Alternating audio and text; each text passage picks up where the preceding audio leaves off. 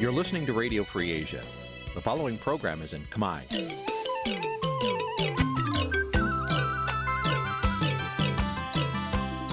Nǐ chi càm bi tiệp xáy vệt chiu a zì sê ray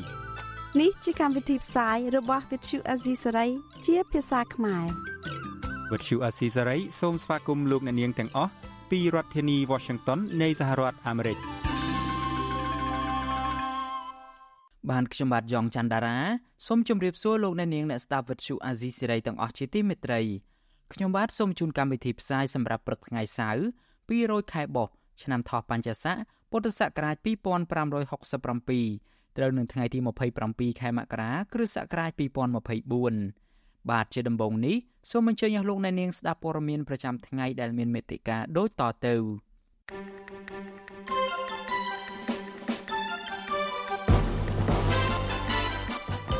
សង្គមស៊ីវិលស្នើក្រសួងអប់រំបញ្ឈប់រឿងសាលាទារលុយសិស្សបង់ថ្លៃទឹកភ្លើង និងសេវាផ្សេងទៀតគណៈបកភ្លើងទៀននិងគណៈបកកម្លាំងជាតិចាត់តាំងក្រុមការងារចរចារឿងបែងចែកមណ្ឌលភូមិភាគឈោឈ្មោះបោះឆ្នោតព្រឹទ្ធសភាកសិករខេត្តជាប់បឹងទន្លេសាបស្នើរដ្ឋាភិបាលឈប់លុបបឹងបួស្ទឹងទន្លេនិងអូដើម្បីស្តុកទឹកធ្វើស្រែគ្រប់រដូវ រដ្ឋមន្ត្រីក្រសួងយុតិធធជំរុញឲ្យតុលាការពន្យានីតិវិធីករណីគ្រោះថ្នាក់ចរាចរណ៍បណ្ដាលឲ្យមនុស្សស្លាប់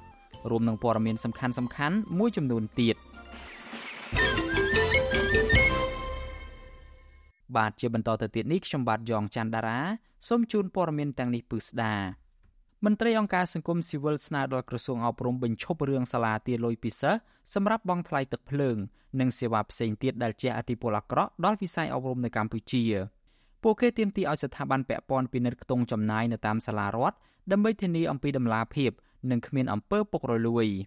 មន្ត្រីជាន់ខ្ពស់ក្រសួងអប់រំឆ្លើយតបថាការចូលរួមរបស់សហគមន៍លើធនធាននានាត្រូវធ្វើឡើងទៅតាមគោលការណ៍ស្ម័គ្រចិត្តនិងការគ្រប់គ្រងដោយតម្លាភាព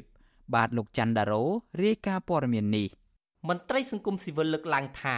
ការចំណាយផ្សេងផ្សេងនៅតាមសាលារដ្ឋគឺជាកាតព្វកិច្ចទទួលខុសត្រូវរបស់ក្រសួងអប់រំ ដោយមិនគួរបណ្ដោយឲ្យគណៈគ្រប់គ្រងសាលាមួយចំនួនដើររាយអង្គាសលុយពីអាណាព្យាបាលសិស្សានុសិស្សឲ្យកាត់ឡើងនៅក្នុងសង្គមនោះទេប្រធានសមាគមគ្រូបង្រៀនកម្ពុជាឯករាជ្យអ្នកស្រីអុកឆៃយវីប្រាប់វិទ្យុអាស៊ីសេរី នៅថ្ងៃទី26ខែមករាថាការប្រមូលប្រាក់ពីសិស្សយកទៅបំពេញតម្រូវការនៅក្នុងសាលា ដែលជាការទទួលខុសត្រូវរបស់រដ្ឋនោះគឺជារឿងមិនត្រឹមត្រូវនិងខុសពីការអះអាងរបស់រដ្ឋាភិបាល អ្នកស្រីមើលឃើញថា បញ្ហានេះកំពុងកើតឡើងកាន់តែច្រើននៅទូទាំងប្រទេសដោយសារថ្នាក់ដឹកនាំក្រសួងអាជ្ញាធរមូលដ្ឋាន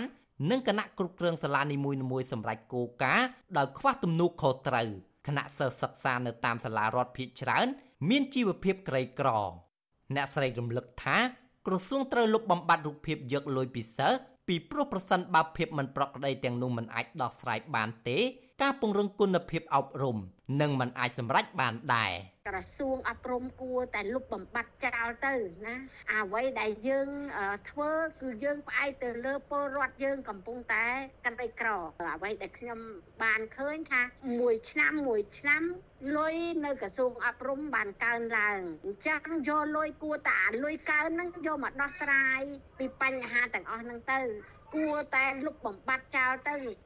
ការដែលយកលុយពីសិស្សនៅតាមបណ្ដាសាលាមួយមួយហ្នឹង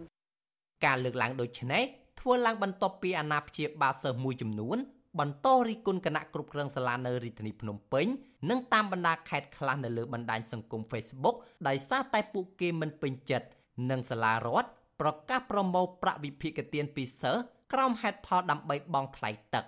រួមទាំងការចំណាយផ្សេងទៀតចន្លោះពី10000 ទៅ20000រៀលពួកគេថារូបភាពបែបនេះហាក់បង្ហាញថារដ្ឋខ្វះថវិកាចំណាយលើវិស័យអប់រំដែលផ្ទុយពីការអះអាងរបស់រដ្ឋាភិបាលកន្លងទៅជាក់ស្ដែងនាយិកាសាលាបឋមសិក្សាទឹកល្អក់អ្នកស្រីអុកសុផានីកាលពីដើមខែមករាបានចេញលិខិតអំពាវនាវដល់ឪពុកម្ដាយអាណាព្យាបាលសិស្សជួយឧបត្ថម្ភថវិកាតាមការស្ម័គ្រចិត្តឬ10000រៀលសម្រាប់ការចំណាយលើការផ្គត់ផ្គង់ទឹកស្អាត អគិសនី និងសេវាអនាម័យរបស់សាលារយៈពេល1ឆ្នាំវិទ្យុអាស៊ីសេរីមិនទាន់អាចតេតឹងនាយិកាសាលាបឋមសិក្សាទឹកល្អអ្នកស្រីអុកសុផានីដើម្បីបកស្រាយជុំវិញរឿងនេះបានទេនៅថ្ងៃទី26ខែមករាឆ្លើយតបរឿងនេះអ្នកនាំពាក្យក្រសួងអប់រំយុវជននិងកីឡា អ្នកស្រីខួនវិជ្ជការប្រាប់វិទ្យុអស៊ីស្រីតាមប្រព័ន្ធ Telegram ដោយអ្នកស្រីអះអាងថាគុណភាពអប់រំ កាន់តែប្រសើរឡើងដោយមានការចូលរួមពីគ្រប់ភាគីពលគឺគណៈគ្រប់គ្រងសាលាបុគ្គលិកអប់រំសិស្សានុសិស្សនិងសហគមន៍អ្នកស្រីឲ្យដឹងថា ការចូលរួមរបស់សហគមន៍លើធនធាននានាត្រូវធ្វើឡើងតាមគោលការណ៍ស្ម័គ្រចិត្តហើយមូលនិធិសាលារៀនត្រូវមានការគ្រប់គ្រងដោយតម្លាភាពនិងធ្វើការជិតស្និទ្ធជាមួយអាណាព្យាបាលសិស្សទោះជាយ៉ាងណាមន្ត្រីសង្គមស៊ីវិលលើកឡើងថា ដើម្បីអាចពង្រឹងគុណភាពអប់រំនៅក្នុងប្រទេសបានតតែរដ្ឋាភិបាល និងស្ថាប័នពាក់ព័ន្ធពង្រឹងការអនុវត្តច្បាប់ទប់ស្កាត់អំពើពុករលួយនៅក្នុងស្ថាប័ននិងមានកំណែទម្រង់ប្រព័ន្ធអប់រំការពង្រឹងគុណភាពអប់រំគ្រប់កម្រិតជាដើមខ្ញុំបាទច័ន្ទដារោវុទ្ធុអាស៊ីសេរី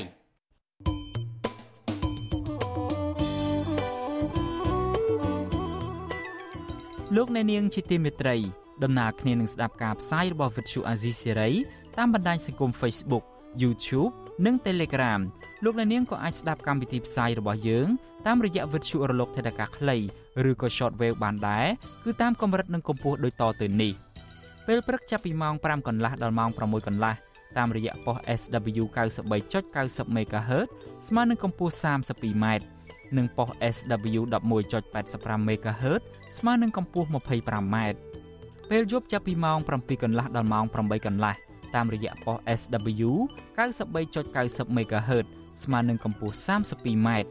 ប៉ុស SW 11.88 MHz ស្មើនឹងកម្ពស់ 25m និងប៉ុស SW 15.15 MHz ស្មើនឹងកម្ពស់ 20m បាទសូមអរគុណ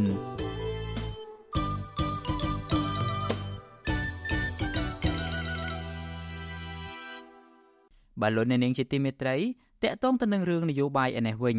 មេដឹកនាំគណៈបកកម្លាំងជាតិត្រៀមក្រុមការងាររបស់ខ្លួនរួចហើយដើម្បីជួបជជែកជាមួយនឹងក្រុមការងារគណៈបកភ្លើងទៀនជជែករឿងបែងចែកមណ្ឌលភូមិភាគបោះឆ្នោតព្រឹទ្ធសភានៅពេលខាងមុខអ្នកជំនាញផ្នែកកិច្ចការបោះឆ្នោតលើកឡើងថានេះជាសញ្ញាល្អដែលគណៈបកក្រៅរដ្ឋាភិបាលចេះជជែករកដំណោះស្រាយដើម្បីរក្សាអង្គបោះឆ្នោតពីព្រោះបើមិនដូច្នេះទេពួកគេនឹងខាត់បងទាំងសងខាង បាទលោកថាថៃរាយការណ៍ព័ត៌មាននេះ ភាគីគណៈបកកម្លាំងជាតិជំរុញមេដឹកនាំគណៈបកភ្លឹងទៀនគូកំណត់ថ្ងៃជួបគ្នាឆាប់ជាងនេះដើម្បីអាចមានពេលវេលាគ្រប់គ្រាន់ក្នុងការរៀបចំផែនការនេះទីប្រឹក្សាគណៈបកកម្លាំងជាតិលោករងឈុនយល់ថាគម្រោងជួបគ្នារវាងគណៈបកកម្លាំងជាតិនិងគណៈបកភ្លឹងទៀននៅថ្ងៃទី9ខែកុម្ភៈខាងមុខជាពេលវេលាប្រថុចញុចដែលអាចបង្កការលំបាកក្នុងការរៀបចំខ្លួនចូលរួមប្រគល់ប្រជែងការបោះឆ្នោតប្រសិទ្ធភាពខាងមុខ លោកចង់ឃើញគណៈបកភ្លឹងទៀនគូដាក់ថ្ងៃជួបគ្នាត្រឹមចុងខែមករាឬដើមខែកុម្ភៈដើម្បីឲ្យក្រុមការងារគណៈបកទាំងពីរអាចរៀបចំយុទ្ធសាស្ត្រលោកអះអាងទៀតថាគណៈបកកម្លាំងជាតិបានស្នើជួបប្រធានគណៈបកភ្លឹងទៀនតែគណៈបកនេះត្រឹមចាត់តាំងអ្នកតំណាងរបស់ប្រធានគណៈបកឲ្យមកជួបភាគីគណៈបកកម្លាំងជាតិ ដូច្នេះលោកថាគណៈបកកម្លាំងជាតិក៏ដាក់បេក្ខភាពត្រឹមក្រុមតំណាងប្រធានគណៈបកដូចគ្នាដើម្បីជួបចរចាជាមួយភាគីគណៈបកភ្លឹងទៀនលោករងឈុនមិនទាន់បង្ហាញក្តីសង្ឃឹមបែបណានៅឡើយទេចំពោះគម្រោងជំនួបខាងមុខដោយរងចាំក្រុមការងាររបស់គណៈបកទាំងពីរជួបគ្នាសិនតាម ក៏ពិតទៅត្រូវតែជួបនៅក្នុងថាចុងខែមករាឬដើមខែកុម្ភៈដើម្បីវានៅសល់ពេលវេលាបើយើងត្រូវគ្នាអានឹងវាសល់ពេលវេលាយើងស្រួលរៀបចំគម្រោងផែនការក្នុងការចុះឃោសនាទៅតាមភូមិភាគដែលយើងមានការឯកភាពគ្នានឹងហើយដល់ពេលលគៀកថ្ងៃយើងគិតថាវាគណៈជួបថ្ងៃនឹងថ្ងៃស្អែកដល់ថ្ងៃឃោសនាហើយដល់ចឹងទៅវាគេថាបថុចញុចវាពេលវេលាវាខ្លី ប្រធានគណៈបកកម្លាំងជាតិលោកសុនចន្ទធីបានដាក់លិខិតសុំជួបប្រធានគណៈបកភ្លឹងទៀនលោកទាវវណ្ណុលដើម្បីជជែករឿងបែងចែកមណ្ឌលភូមិភាគគ្នាក្នុងការឈរឈ្មោះបោះឆ្នោតព្រឹទ្ធសភានៅថ្ងៃទី25ខែកុម្ភៈខាងមុខនេះគណៈបកភ្លឹងទៀនកាលពីថ្ងៃទី23ខែមករាក៏បានយល់ព្រមជួបតាមសំណើគណៈបកភ្លឹងទៀនបានចាត់ថ្នាក់ដឹកនាំរបស់ខ្លួនឲ្យជួបជាមួយភាគីគណៈបកកម្លាំងជាតិនៅថ្ងៃទី9ខែកុម្ភៈ នៅទីស្នាក់ការកណ្ដាលគណៈបកភ្លឹងទៀននៅក្នុងខណ្ឌសែនសុខរាជធានីភ្នំពេញតាកតងនឹងរឿងនេះវិទ្យុអាស៊ីសេរីមិនអាចសុំការបញ្ជាក់បន្ថែមពីប្រធានគណៈបកភ្លឹងទៀនលោកទាវវណ្ណុលអគ្គលេខាធិការគណៈបកភ្លឹងទៀនលោកលីសុធិរាយុទ្ធបានទេនៅថ្ងៃទី26ខែមករាអ្នកខ្លំមើលលើកឡើងថាគណៈបកភ្លើងទៀនដែលមានសមាជិកក្រុមប្រឹក្សាគុំសង្កាត់ជាង2000អាសនៈ ដែលសមាជិកក្រុមប្រឹក្សាទាំងនេះជាអង្គបោះឆ្នោតព្រឹទ្ធសភាហើយប្រសិនបើគណៈបកភ្លើងទៀននិងគណៈបកកម្លាំងជាតិដែលចេញពីអតីតមេដឹកនាំគណៈបកភ្លើងទៀនដែរនៅតែប្រឹងដណ្ដើមអង្គបោះឆ្នោតនេះដោយគ្មានការជជែកគ្នាគឺអាចធ្វើឲ្យគណៈបកទាំងពីរបាត់បង់អង្គបោះឆ្នោតហើយអ្នកដែលបានលទ្ធផលចំណេញគឺគណៈបកប្រជាជនកម្ពុជារបស់លោកហ៊ុនសែនអ្នកសម្របសម្រួលផ្នែកអង្គិតរបស់អង្គការឃ្លាំមើលការបោះឆ្នោត Conference លោកកនសវាង យល់ថាជារឿងល្អដែលគណៈបកក្រៅរដ្ឋាភិបាលដែលមានទស្សនៈប្រហាក់ប្រហែលគ្នាអាចជជែកគ្នាបាន ដើម្បីស្វែងយល់ចិត្តគ្នាបន្ថែម លោកថាឲ្យតែពួកគេជួបគ្នាហើយអាចជជែករកដំណោះស្រាយបានបើទោះបីជាជួបយឺតបន្តិចក៏មិនចោទជាបញ្ហាដែរលោកបន្តថាគណៈបកក្រៅរដ្ឋាភិបាល មានអង្គបោះឆ្នោតតិចតួចបើធៀបនឹងគណៈបកកណ្ដាលអំណាចដូច្នេះបើពួកគេចូលរួមប្រគល់ប្រជែងគ្នាដោយគ្មានការយោគយល់គ្នាឬជជែកគ្នាជាមុនទេ នឹងធ្វើឲ្យបកប្រឆាំងប្រឈមការបាត់បង់សម្លេងរបស់ខ្លួននៅព្រឹទ្ធសភាទៅចែកគ្នាបានគឺគួរតែទៅចែកបើមិនចឹងទេមានន័យថាកម្លាំងនៅខាងក្រៅហ្នឹងកម្លាំងនៃគណៈបកក្រៅរដ្ឋាភិបាលហ្នឹងគឺมันអាចនឹងមានសម្លេងមួយដ៏រឹងមាំសម្រាប់ការទទួលបានអំពីលទ្ធផលនៃការបោះឆ្នោតទេការអនុវត្តសកម្មភាពណាមួយ គួរតែមានបើសិនវាជាប្រយោជន៍វាជាលទ្ធផលរួមដែលអាចកើតចេញអំពីការរួមរំគ្នាហ្នឹង គណៈបកនយោបាយចំនួន4ដែលចូលរួមការបោះឆ្នោតព្រឹទ្ធសភាគឺគណៈបកប្រជាជនកម្ពុជាគណៈបកហ៊ុនស៊ិនពេជ្រគណៈបកកម្លាំងជាតិនិងគណៈបកឆន្ទៈខ្មែរតំណាងឲ្យគណៈបកភ្លើងទៀនស្ថាបនិកគណៈបកភ្លើងទៀនគឺលោកសំរងស៊ីបានស្នើទៅក្រុមអ្នកប្រជាធិបតេយ្យឲ្យចេះចែករំលែកការងារគ្នាធ្វើលោកក៏ស្នើទៅអង្គបោះឆ្នោតត្រូវមានភាពបត់បែនដោយបែងចែកមណ្ឌលភូមិភាគគ្នាបោះឆ្នោតកុំបោះឆ្នោតជាន់គ្នា ដែលនាំឲ្យខាត់បងសម្លេងឆ្នោតរបស់ខ្លួន។ ខ្ញុំថាថៃពីទីក្រុងមែលប៊នបាទលោកអ្នកនាងជាទីមេត្រីតកតងទៅនឹងបញ្ហារបស់ប្រជាកសិករវិញប្រជាកសិករមួយចំនួនរស់នៅក្នុងខេត្តជាប់បឹងទន្លេសាបនៅតែធ្វើកសិកម្មប្រវាស់មេឃតាមបែបធម្មជាតិតាំងពីបុរាណកាលមកបើទោះបីជាភូមិកំណើតរបស់ពួកគាត់រស់នៅគៀកនឹងតំបន់បឹងទន្លេសាបសម្បូរទឹកយ៉ាងណាក្តី ពួកគាត់អំពាវនាវដល់រដ្ឋាភិបាលឲ្យឈប់លុបបឹងបួស្ទឹងអូនិងច្រាំងទន្លេតទៅទៀតដើម្បីរក្សាទឹកទុកបម្រើវិស័យកសិកម្មឲ្យរីកចម្រើន បាទអ្នកស្រីម៉ៅសុធានីរាយការណ៍ព័ត៌មាននេះពជាកសិកររស់នៅខេត្តសៀមរាបកំពង់ឆ្នាំងនិងខេត្តពោធិ៍សាត់មើលឃើញថាអាញាធរតែងតែមិនអើពើការពារបឹងធម្មជាតិ អូស្ទឹងនិងច្រាំងទន្លេ ដែលកំពុងរៀងគោករាក់បណ្ដាបណ្ដាហើយតំបន់ខ្លះទៀតបានខ្លាចជាដីស្រែធ្វើឲ្យកន្លែងបង្ហូរទឹកកាន់តែរំតូច។រីឯតំបន់ខ្លះទៀតទទួលរងការរំលោភបំពានធ្វើកម្មសិទ្ធិឯកជនជាបន្តបន្ទាប់កសិកររស់នៅស្រុកអង្គរធំខេត្តសៀមរាបលោកវៀមរ៉ាន់ប្រាប់បច្ចុប្បន្នអសីស្រីនៅថ្ងៃទី26ខែមករាថាថ្មីត្បិតតែខេត្តសៀមរាប ជាប់បឹងទន្លេសាបក៏ដោយក៏ប៉ុន្តែកសិករភ័យច្រើនធ្វើកសិកម្មបានតែក្នុងរដូវវស្សាម្ដងប៉ុណ្ណោះហើយឆ្នាំខ្លះរងគ្រោះធម្មជាតិងាប់ស្រូវអស់ក៏មាន។លោកថាកសិករមានទម្លាប់ធ្វើស្រែបែបធម្មជាតិតាំងតែពីបុរាណកាលមកដោយសារខ្វះប្រព័ន្ធធារាសាស្ត្រហើយបឹងធម្មជាតិអូស្ទឹងនិងប្រឡាយភៀកច្រើនគោករាក់គ្មានចរន្តទឹកផ្លាស់ទីដើម្បីឲ្យកសិករធ្វើស្រែប្រាំងបានជាច្រើនឆ្នាំមកហើយ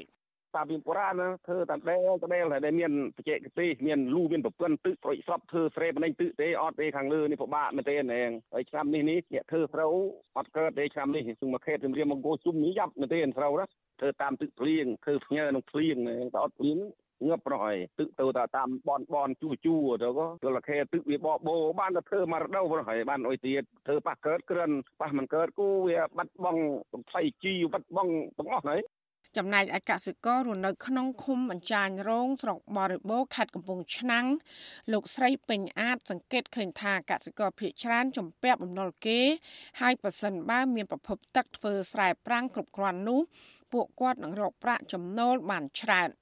លោកស្រីចង់ឲ្យរដ្ឋាភិបាលរកមធ្យោបាយស្ថាបនាទំនប់ទឹក ដើម្បីទុកទឹកបន្ថែមទៀតរក្សាទឹកឲ្យកសិករធ្វើស្រែប្រាំងគ្រប់គ្រាន់កាត់បន្ថយពលរដ្ឋចំណាក់ស្រុក ឬក៏បឹងដែលធំធំអីហ្នឹងឲ្យគាត់ស្ដារឲ្យគាត់ជួយដែលថែរក្សាបឹងហ្នឹងឲ្យជាពិសេសដូចនៅតំបន់យើងនៅតាមទន្លេអីមានការលុបចាក់ដីលុបបឹងលុបសមុទ្រអីអញ្ចឹងដូចទន្លេសាបអីចាក់ដីលុបចាក់អីអញ្ចឹងយើងចង់ឲ្យកុំឲ្យមានការលុបបឹងលុបអីតទៅទៀតចំណែកនៅខេត្តពោធិ៍សាត់អនុវិញ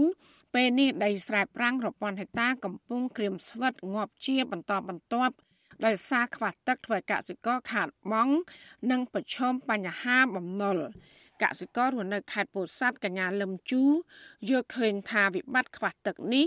រដ្ឋាភិបាលគួរតែរកមធ្យោបាយអភិវឌ្ឍប្រព័ន្ធធារាសាស្ត្រគ្រប់ច្រកល្ហក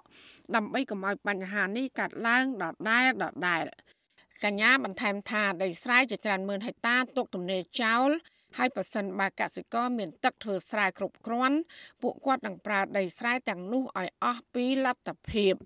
បន្លាយបើសិនជាគាត់ធ្វើបានល្អបន្តមកពីប្រភពទឹកធំអាចផ្គត់ផ្គង់បាននៅតំបន់ហ្នឹងហើយតំបន់ដែលខ្ញុំរស់នៅហ្នឹងជាតំបន់ធ្វើស្រែដីស្រែធំពេលយើងអត់មានទឹកគ្រប់គ្រាន់យើងរំពឹងតែមេភ្លៀងវាខាតដែលយើងទុកដីស្រែចោលជាងកន្លះឆ្នាំអត់បានធ្វើអីហ៎ អ្នកនាំពាក្យក្រសួងកសិកម្មកញ្ញាអឹមរចនាបដិសេធមិនឆ្លើយបំភ្លឺរឿងនេះទេដោយកញ្ញាជំរុញឲ្យវិទ្យុអសីស្រី ទៅសួរខាងក្រសួងធនធានទឹកទៅវិញវិទ្យុអសីស្រីមិនទាន់អាចតតងសុំការបំភ្លឺរឿងនេះពីអ្នកនាំពាក្យក្រសួងធនធានទឹកលោកច័ន្ទយុធាបាននៅឡើយទេ នៅថ្ងៃទី26ខែមករា ជុំវិញរឿងនេះប្រធានមជ្ឈមណ្ឌលប្រជាប្រដ្ឋដើម្បីអភិវឌ្ឍនិងសន្តិភាព លោកយងកំឯងយថារដ្ឋាភិបាលអាណត្តិថ្មីនេះមានមន្ត្រីជំនាញកសិកម្មច្រើន គួរតែចាត់ឲ្យមន្ត្រីទាំងនោះចុះមូលដ្ឋានជួបកសិករដោយរកមធ្យោបាយជួយកសិករឲ្យមានប្រសិទ្ធភាពគិតគូរឡើងវិញអំពីប្រព័ន្ធធារាសាស្ត្រហើយនឹងប្រភពបង្ហូរទឹកស្រោចស្រពនឹងឲ្យបានច្បាស់លាស់ហើយបាទបឹងបួរបាទគួរតែរក្សាទុក គួរតែពង្រីកធ្វើម៉េចឲ្យស្តុបទឹកទុកឲ្យបានច្រើនសម្រាប់បម្រើឲ្យវិស័យកសិកម្មនៅខេត្តប្រាំងនេះជាដំណោះស្រាយថាបើសិនយើងអត់អាចដោះស្រាយប្រព័ន្ធធារាសាស្ត្រដែលមានទឹកបានទេបន្លាយដែលមានទឹកបានទេ ការកង្វះទឹកបញ្ហាប្រឈមទឹកនៅតែកើតមានប្រជាកសិករបន្ថែមថាប្រសិនបារដ្ឋាភិបាល នៅតែមិនគិតគូរជីកស្ដារនិងថែទាំបឹងបួស្ទឹងទន្លេនិងអូរធម្មជាតិ ដើម្បីបង្កើតចរន្តបង្ហូរទឹក បង្កលក្ខណៈងាយស្រួលឲ្យកសិករធ្វើកសិកម្មទេនោះនេះមានន័យថារដ្ឋាភិបាលអសមត្ថភាព ក្នុងការអភិវឌ្ឍវិស័យកសិកម្មដែលផ្ទុយពីផែនការជាតិដោយបានចាត់ទុកថាកម្ពុជា គឺជាប្រទេសកសិកម្មចានាងខ្ញុំម៉ៅសុធានីវັດឈូអាស៊ីស្រី ប្រធានាធិបតី Washington បាទលោកអ្នកនាងជាទីមេត្រីតកតងទៅនឹងរឿងគ្រប់គ្រងធនធានធម្មជាតិនេះដែរ ក្រមយុវជនរិះគន់រដ្ឋាភិបាលដែលកាត់ជ្រឿលដីនៅតំបន់បឹងធម្មជាតិចំនួន3កន្លែងនៅក្នុងខេត្តកណ្ដាលនិងខេត្តតាកែវប្រមាណ7600ហិកតាឲ្យទៅក្រុមហ៊ុន Cambodia Airport Investment របស់លោកពងខៀវសែដើម្បីធ្វើប្រលានយន្តហោះមន្ត្រីខ្លមមើលសិទ្ធិដីធ្លីយល់ថាគម្រោងអភិវឌ្ឍភាគច្រើនมันបានផ្ដល់ផលប្រយោជន៍ដល់ពលរដ្ឋឡើយផ្ទុយទៅវិញគឺជាការអភិវឌ្ឍដែលគ្មានដំណាភាពនិងធ្វើឲ្យពលរដ្ឋរងផលប៉ះពាល់បាទលោកសេកបណ្ឌិតរាយការណ៍ព័ត៌មាននេះជូនលោកអ្នកនាង។ ក្រមយុវជនសោកស្ដាយដែលអតីតនាយករដ្ឋមន្ត្រីលោកហ៊ុនសែននៅតែបន្តលួចកាត់ជ្រឿលដីនៅតំបន់បឹងធម្មជាតិឲ្យទៅអ្នកមានលុយមានអំណាចដើម្បីធ្វើជាកម្មសិទ្ធិឯកជន និងបំផ្លាញកន្លែងដែលពលរដ្ឋធ្លាប់អាស្រ័យផល ការលើកឡើងនេះគឺបន្ទាប់ពីលោកហ៊ុនសែនបានចេញអនុក្រឹត្យកាលពីថ្ងៃទី18ខែសីហាឆ្នាំ2023កាត់ជ្រឿលដីផ្ទៃបឹងចំនួន3រួមមានបឹងជើងលងបឹងទឹកជូរនិងអាងទឹកព្រែករាំង ដែលមានផ្ទៃដីទំហំជិត600ហិកតា នៅក្នុងខេត្តកណ្ដាលនិងខេត្តតាកែវឲ្យទៅក្រុមហ៊ុន Cambodia Airport Investment របស់លោកពងខៀវសែដើម្បីសាងសង់ប្រលានយន្តហោះថ្មី ការកាត់ជ្រឿលដីរដ្ឋចំនួនជិត600ហិកតាឲ្យទៅក្រុមហ៊ុនលោកពងខៀវសែនេះគឺនៅក្នុងខេត្តកណ្ដាលមានទំហំ240ហិកតាស្ថិតនៅក្នុងស្រុកស្អាង និងសង្កាត់រកាខ្ពស់ក្រុងតាខ្មៅ និងទំហំជិត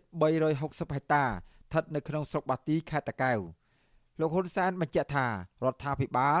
សាងសង់ផ្ទះចំនួន1000ខ្នង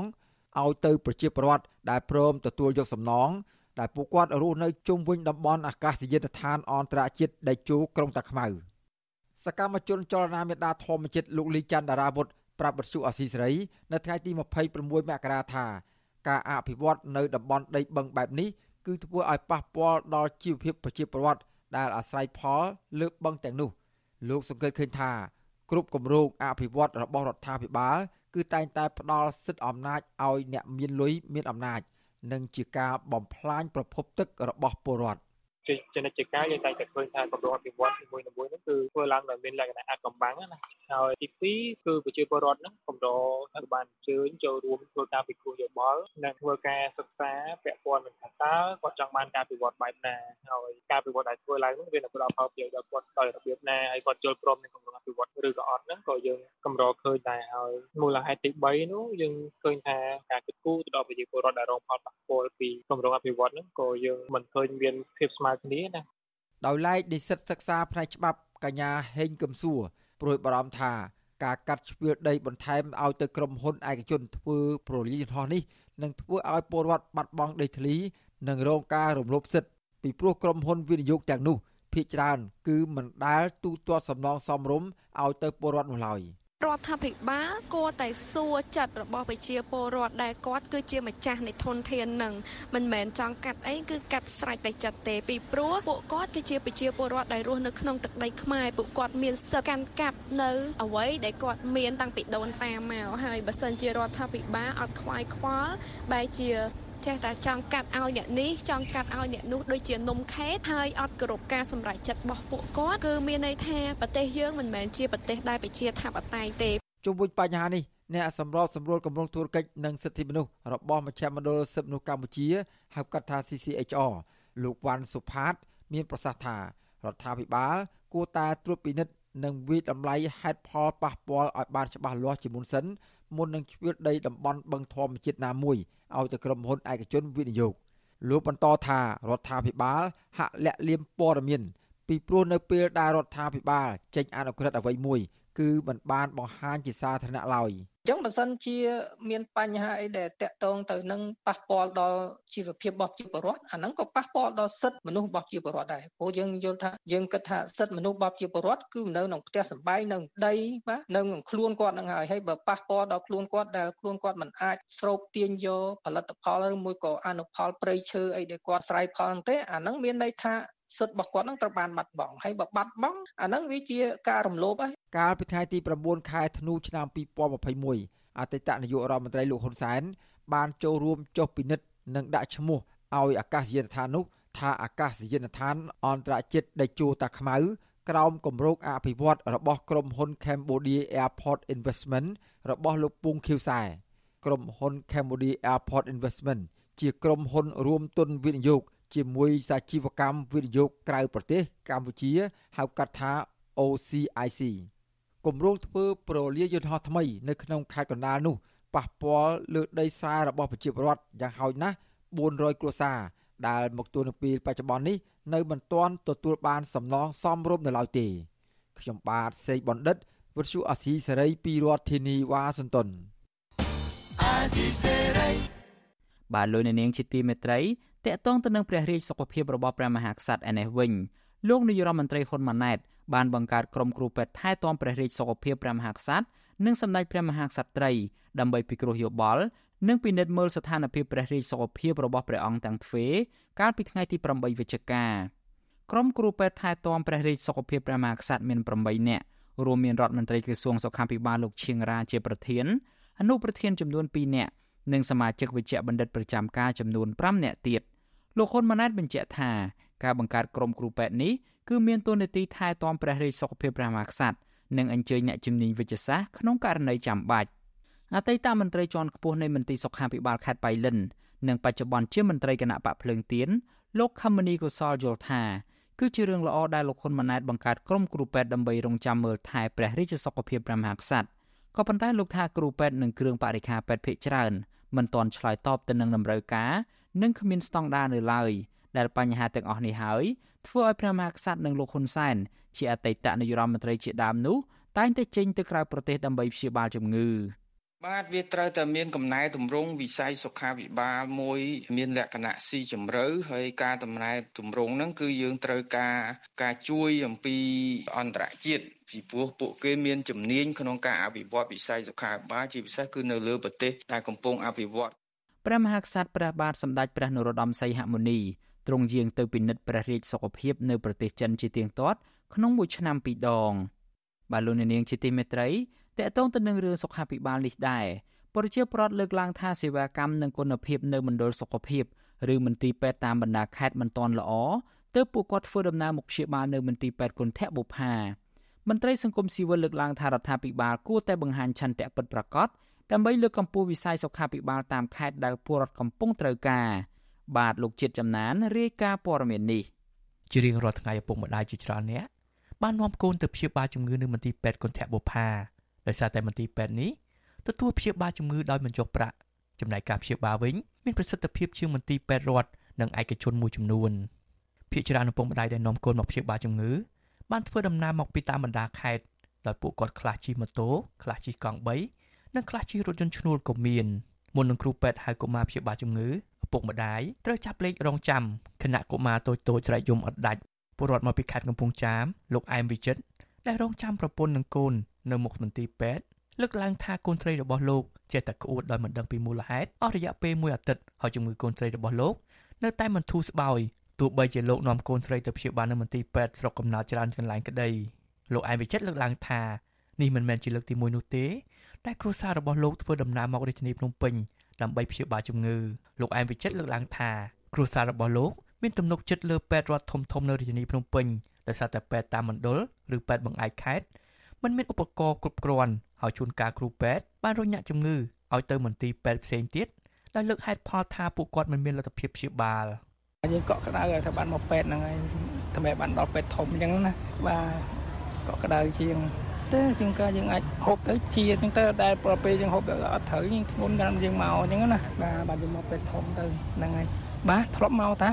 ពីមុនហ្នឹងហើយតាំងកូនតូចកូនស្រីនេះមកទៅយកឆ្នាំទៅត្រូវកបអញ្ចឹងណាពីច្រើនមន្ទីរពេទ្យគុណធបុផាអាចទទួលព្យាបាលកុមារចាប់ពី50000នាក់ទៅដល់100,000នាក់ក្នុងមួយខែនិងអាចវះកាត់កុមារយ៉ាងតិច2000នាក់ជារៀងរាល់ខែចំណែកមន្ទីរពេទ្យជ័យវរ្ម័នទី7 ឬគុណធបុផា3បានទទួលស្ត្រីមកពិនិត្យផ្ទៃពោះយ៉ាងតិចណាស់7000នាក់ក្នុងមួយខែនិងទទួលសម្រាលកូនប្រមាណ2000នាក់ក្នុងមួយខែពលរដ្ឋមកពីខេត្តកណ្ដាលលោកធុដេតលើកឡើងថាវិស័យសុខាភិបាលនៅតាមបណ្ដាខេត្តនៅមិនទាន់ប្រសើរដែលអាចឲ្យពលរដ្ឋមានទំនុកចិត្តបាននោះទេលោកធុដេតបន្តថាពលរដ្ឋព្យាបាលជំងឺនៅពេទ្យឯកជនត្រូវការចំណាយថវិកាច្រើនចំណែកការព្យាបាលនៅមន្ទីរពេទ្យរដ្ឋត្រូវតម្រូវឲ្យពលរដ្ឋរងចាំនិងបង់ប្រាក់ដូចគ្នាលោកធួដេត ស្នើឲ្យរដ្ឋាភិបាលកែតម្រង់វិស័យសុខាភិបាលនៅតាមខេត្តនិងតំបន់ជនបទដើម្បីឲ្យពលរដ្ឋងាយស្រួលទៅព្យាបាលព្រោះការព្យាបាលនៅភ្នំពេញធ្វើឲ្យពលរដ្ឋចំណាយថវិកានិងពេលវេលាអឺថាចង់មកពេទ្យផាហ្នឹងវាសេវាកម្មឲ្យវាធូរថ្លៃអញ្ចឹងវាមិនសូវអស់ច្រើនអញ្ចឹងវាតាមចាស់ស្ដាយនេះដូចតែគ្នាវាមិនលើសគ្នាប្រហែលព្រោះថាពេទ្យរដ្ឋ គេមានច្បាប់រំលោភរបស់គេអញ្ចឹងយើងត្រូវចាំតាមព្រោះមនុស្សវាមានច្រើនទៅពេទ្យឯកជន យើងទៅដល់គេមើលយើងភ្លាមភ្លាមហ្មងរដ្ឋាភិបាលនៅតែពុំទាន់មានលទ្ធភាពគ្រប់គ្រាន់ក្នុងការពង្រឹងវិស័យសុខាភិបាលនោះទេបើទោះបីជាសាធារណជនរិះគន់ថាវិស័យសុខាភិបាលថាជាវិស័យខ្វះការយកចិត្តទុកដាក់មានភាពយឺតយ៉ាវនិងពុំមានឧបករណ៍ពេទ្យគ្រប់គ្រាន់ក៏ដោយ ជាក់ស្ដែងថាវិការដែលក្រុងចំណាយលើវិស័យសុខាភិបាលក្នុងឆ្នាំ2024មានការកើនឡើងចំនួនជាង60000លានរៀលឬជាង1លានដុល្លារប៉ុណ្ណោះកន្លងមករដ្ឋាភិបាលក៏បានអំពាវនាវដល់សាធារណជនឲ្យចូលរួមថវិកាដើម្បីសាងសង់មន្ទីរពេទ្យឬអគារពេទ្យមួយចំនួនក្នុងរាជធានីភ្នំពេញដូចជាអគារដេជោអភិវឌ្ឍនិងមន្ទីរពេទ្យកាឡាម៉ែតជាដើមប្រធានសមាគមគ្រូពេទ្យគុណធម៌កម្ពុជាលោកអ៊ូចវុធីលើកឡើងថាមន្ទីរពេទ្យឬមជ្ឈមណ្ឌលសុខភាពនៅតាមបណ្ដាខេត្ត ពុំមានសម្ភារៈគ្រប់គ្រាន់ដើម្បីព្យាបាលពលរដ្ឋនៅឡើយទេហើយបញ្ហានេះបានធ្វើឲ្យប៉ះពាល់ដល់ជីវភាពរបស់ពលរដ្ឋដែលធ្វើដំណើរទៅភ្នំពេញតែទោះជាយ៉ាងណាលោកអ៊ុចវិធីថាបញ្ហានេះបានប៉ះពាល់ដល់ជីវភាពរបស់ពលរដ្ឋដែលពុំមានថវិកាដើម្បីឡើងមកទីក្រុងភ្នំពេញហើយមានពលរដ្ឋមួយចំនួនបានបាត់បង់ជីវិតដោយសារតែការបញ្ជូនមកព្យាបាលនៅភ្នំពេញនិងមួយមួយទៀត ដោយសារគាត់មិនមានទំនុកចិត្តតាមខេត្តដោយសារអីទី1គេហៅការព្យាបាលរបស់គ្រូពេទ្យដោយថ្នាំថ្នាំព្យាបាលនៅតាមខេត្តហ្នឹងជួនកាលថ្នាំវាវាមានថ្នាំដែលមិនមិនមិនសុទ្ធហើយថ្នាំដែលចូលមកកុប្រទេសក៏ជូនទៅខេត្តហ្នឹងកន្លែងហ្នឹងឯងដែលធ្វើឲ្យគាត់បាត់បង់ជំនឿដោយសារថ្នាំដែលថ្នាំយើងវាគេហៅថាថ្នាំវាមានតែរូបភាពឈ្មោះក៏ប៉ុន្តែលេបទៅវាអត់មានប្រសិទ្ធភាពវាអត់ FA កន្លែងហ្នឹងឯងដែលធ្វើឲ្យគាត់អត់ជាអត់ស្រួលខ្លួនអញ្ចឹងគាត់មករមករពិគ្រោះយោបល់ជំងឺនៅភ្នំពេញវិញបាទ របាយការណ៍របស់ក្រសួងសុខាភិបាល កាលពីឆ្នាំ2019ឲ្យដឹងថាគិតត្រឹមឆ្នាំ2018មន្ទីរពេទ្យជាតិមានចំនួន6កន្លែងមន្ទីរពេទ្យបង្អែកមានចំនួន109កន្លែងនិងមជ្ឈមណ្ឌលសុខភាពមានចំនួនជាង1000កន្លែងនិងមានមន្ត្រីរាជការសរុបជាង20000នាក់វិសុវអសីស្រីមិនអាចតាក់ទងរដ្ឋមន្ត្រីក្រសួងសុខាភិបាលលោកឈៀងរ៉ានិងអ្នកនាំពាក្យក្រសួងសុខាភិបាលអ្នកស្រីអាវ៉ាន់ឌិនដើម្បីសាកសួរជុំវិញរឿងនេះបានទេនៅថ្ងៃទី19ខែមករា ទោះជាយ៉ាងណានាយករដ្ឋមន្ត្រីលោកហ៊ុនម៉ាណែតថ្លែងក្នុងពិធីដាក់សម្ពោធឲ្យប្រាស់ប្រាស់ជាផ្លូវការមន្ទីរពេទ្យជាតិតេជោសន្តិភាពកាលពីខែតុលាឆ្នាំ2023កន្លងទៅដោយលើកឡើងថារដ្ឋាភិបាលកំពុងអនុវត្តគោលនយោបាយដើម្បីលើកស្ទួយវិស័យសុខាភិបាលរួមមានទី1គឺវិធានការពង្រីកវិសាលភាពមូលនិធិសមត្ថៈសុខាភិបាលដល់គ្រួសារងាយរងហានិភ័យដល់49ម៉ឺនគ្រួសារឬជាង1លាន8សែននាក់និងវិធានការលើរបបសន្តិសុខសង្គមដោយវិភាគទាន ដល់អ្នកក្នុងបន្ទុកសមាជិកបសសជាង3លាននាក់ប្រធានមជ្ឈមណ្ឌលប្រជាពលរដ្ឋដើម្បីអភិវឌ្ឍនិងសន្តិភាពលោកយងកំឯងមានប្រសាសន៍ថាមន្ទីរពេទ្យមួយចំនួនអាចកសាងទំនុកចិត្តពីពលរដ្ឋខ្មែរដូចជាមន្ទីរពេទ្យគន្ធបុប្ផាជាដើមលោកយងកំឯងថារដ្ឋាភិបាលគួរបង្ហាញឆន្ទៈពិតប្រាកដដោះស្រាយវិស័យសុខាភិបាលតាមបណ្ដាខេត្តដែលពលរដ្ឋកំពុងត្រូវការ រដ្ឋាភិបាលទី1គឺត្រូវតែពង្រឹងគុណភាពសេវាយើងគិតមើលថាហេតុអីយើងគន្ធបុប្ផាគេធ្វើបានចុះហេតុអីមន្ទីរពេទ្យផ្សេងផ្សេងអត់ធ្វើបានតែយើងឲ្យដែលវិស័យសុខាភិបាលឬមន្ទីរពេទ្យរបស់យើងនៅចឹងតទៅទៀតឬក៏យើងធ្វើវាឲ្យមានជំនឿជាក់ដោយគន្ធបុប្ផាគន្ធបុប្ផាគឺទាំងការផ្ដល់សេវាទាំងអីហ្នឹងគឺ បានលឿនតន់ចិត្តហើយគ្រូពេទ្យអីគឺគេខ្នះខ្នែងបាទមិនបាច់ចាំទៅដើរទៅទឿនទេបាទគឺបានន័យថាពេទ្យគេទទួលខុសត្រូវពលរដ្ឋនិងសង្គមស៊ីវិលស្នើឲ្យរដ្ឋាភិបាលដាក់ចេញនូវវិធានការកែតម្រង់មន្ទីរពេទ្យនៅតាមបណ្ដាខេត្តឲ្យមានសេវាកម្មនិងគុណភាពឬប្រហាក់ប្រហែលនឹងមន្ទីរពេទ្យកន្ធបុប្ផាពលរដ្ឋលើកឡើងថាការពង្រឹងគុណភាពសុខាភិបាលនឹងធ្វើឲ្យពួកគាត់មានភាពកក់ក្ដៅនិងអាចព្យាបាលជំងឺទាន់ពេលវេលាខ្ញុំបាទចិត្តចំណាន Visual Society ប្រធានាទី Washington បាទលោកអ្នកនាងជាទីមេត្រីពាក់ព័ន្ធទៅនឹងបញ្ហាសុខាភិបាលនេះដែរក្រសួងសុខាភិបាល បានប្រកាសហាមឃាត់ប្រជាពលរដ្ឋកុំឲ្យប្រើប្រាស់វ៉ាក់សាំងបង្ការជំងឺគ្រុនឈាមឈ្មោះ Qdenga ដែលនៅពុំទាន់មានការទទួលស្គាល់ជាផ្លូវការពីអង្គការសុខភាពពិភពលោក WHO និងនាយកដ្ឋានចំណីអាហារនិងឱសថសហរដ្ឋអាមេរិក FDA នៅឡើយ ការប្រកាសរបស់ក្រសួងសុខាភិបាលកាលពីថ្ងៃទី24មករាកន្លងទៅនេះធ្វើឡើងក្រោយពីមានបណ្ដាញទំនាក់ទំនងសង្គមនិងបុគ្គលមួយចំនួនកំពុងផ្សព្វផ្សាយឲ្យប្រើប្រាស់វ៉ាក់សាំងបង្ការជំងឺគ្រុនឈាមដែលមានឈ្មោះថា Qdenga ខណៈដែលវ៉ាក់សាំងនេះកំពុងស្ថិតនៅក្នុងដំណាក់កាលសិក្សាទី3នៅឡើយក្រសួងសុខាភិបាលបានបញ្ជាក់ថាបច្ចុប្បន្នវ៉ាក់សាំងបង្ការជំងឺគ្រុនឈាមនេះនៅមិនទាន់ត្រូវបានចុះបញ្ជីការនៅក្នុងប្រទេសកម្ពុជានៅឡើយទេ ក្រសួងសុខាភិបាលអំពាវនាវដល់សាធារណជនរួមទាំងអាជ្ញាធរមូលដ្ឋានត្រូវចូលរួមសកម្មភាពកម្ចាត់ដង្កូវទឹកនៅតាមទីកន្លែងដែលមានទឹកដក់ដូចជាសម្បកកង់ឡានម៉ូតូពាងសម្បកដបកំប៉ុងត្រឡោកដូងនិងវត្ថុដក់ទឹកផ្សេងផ្សេងទៀតនៅក្នុងករណីមានរោគសញ្ញាក្តៅខ្លួនខ្លាំងត្រូវប្រញាប់នាំអ្នកជំងឺទៅរកសេវាពិនិត្យសុខភាព និងព្យាបាលនៅតាមមណ្ឌលសុខភាពដែលនៅជិតបំផុតជាបន្ទាន់ស្ថិតិក្រសួងសុខាភិបាលឲ្យដឹងថា នៅក្នុងឆ្នាំ2023កម្ពុជារកឃើញករណីជំងឺគ្រុនឈាមសរុបចំនួនជាង30000នាក់ដែលអត្រានេះមានការកើនឡើងជាងឆ្នាំមុនមុនក៏ប៉ុន្តែស្ថានភាពអ្នកកើតជំងឺគ្រុនឈាមទាំងនោះស្ថិតនៅក្នុងកម្រិតដែលអាចគ្រប់គ្រងបាន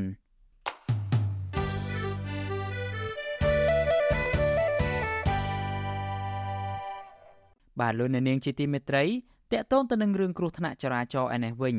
រដ្ឋមន្ត្រីក្រសួងយុតិធធលោកកើតរិទ្ធ ជំរុញឲ្យតុលាការពន្យានីតិវិធីករណីគ្រោះថ្នាក់ចរាចរណ៍បណ្ដាលឲ្យមនុស្សស្លាប់ដើម្បីឲ្យក្រុមគ្រួសារជនរងគ្រោះទទួលបានយុត្តិធម៌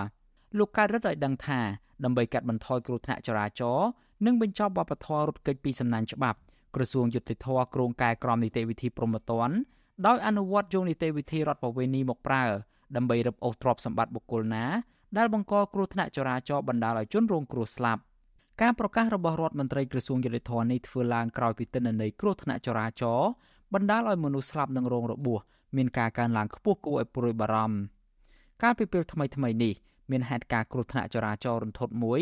ដែលមន្ត្រីក្រសួងសេដ្ឋកិច្ចនិងហិរញ្ញវត្ថុលោកនាងសំអូនបានបើកបរក្នុងលបឿនលឿនក្រោមស្ថានភាពស្រវឹងបានបុករះរថយន្តនិងម៉ូតូដែលកំពុងឈប់ចាំភ្លើងស្តុបពណ៌ក្រហម បណ្ដាលឲ្យយុវជន4នាក់ស្លាប់និងរងរបួស4នាក់ផ្សេងទៀតនៅខណ្ឌឫស្សីកែវរាជធានីភ្នំពេញ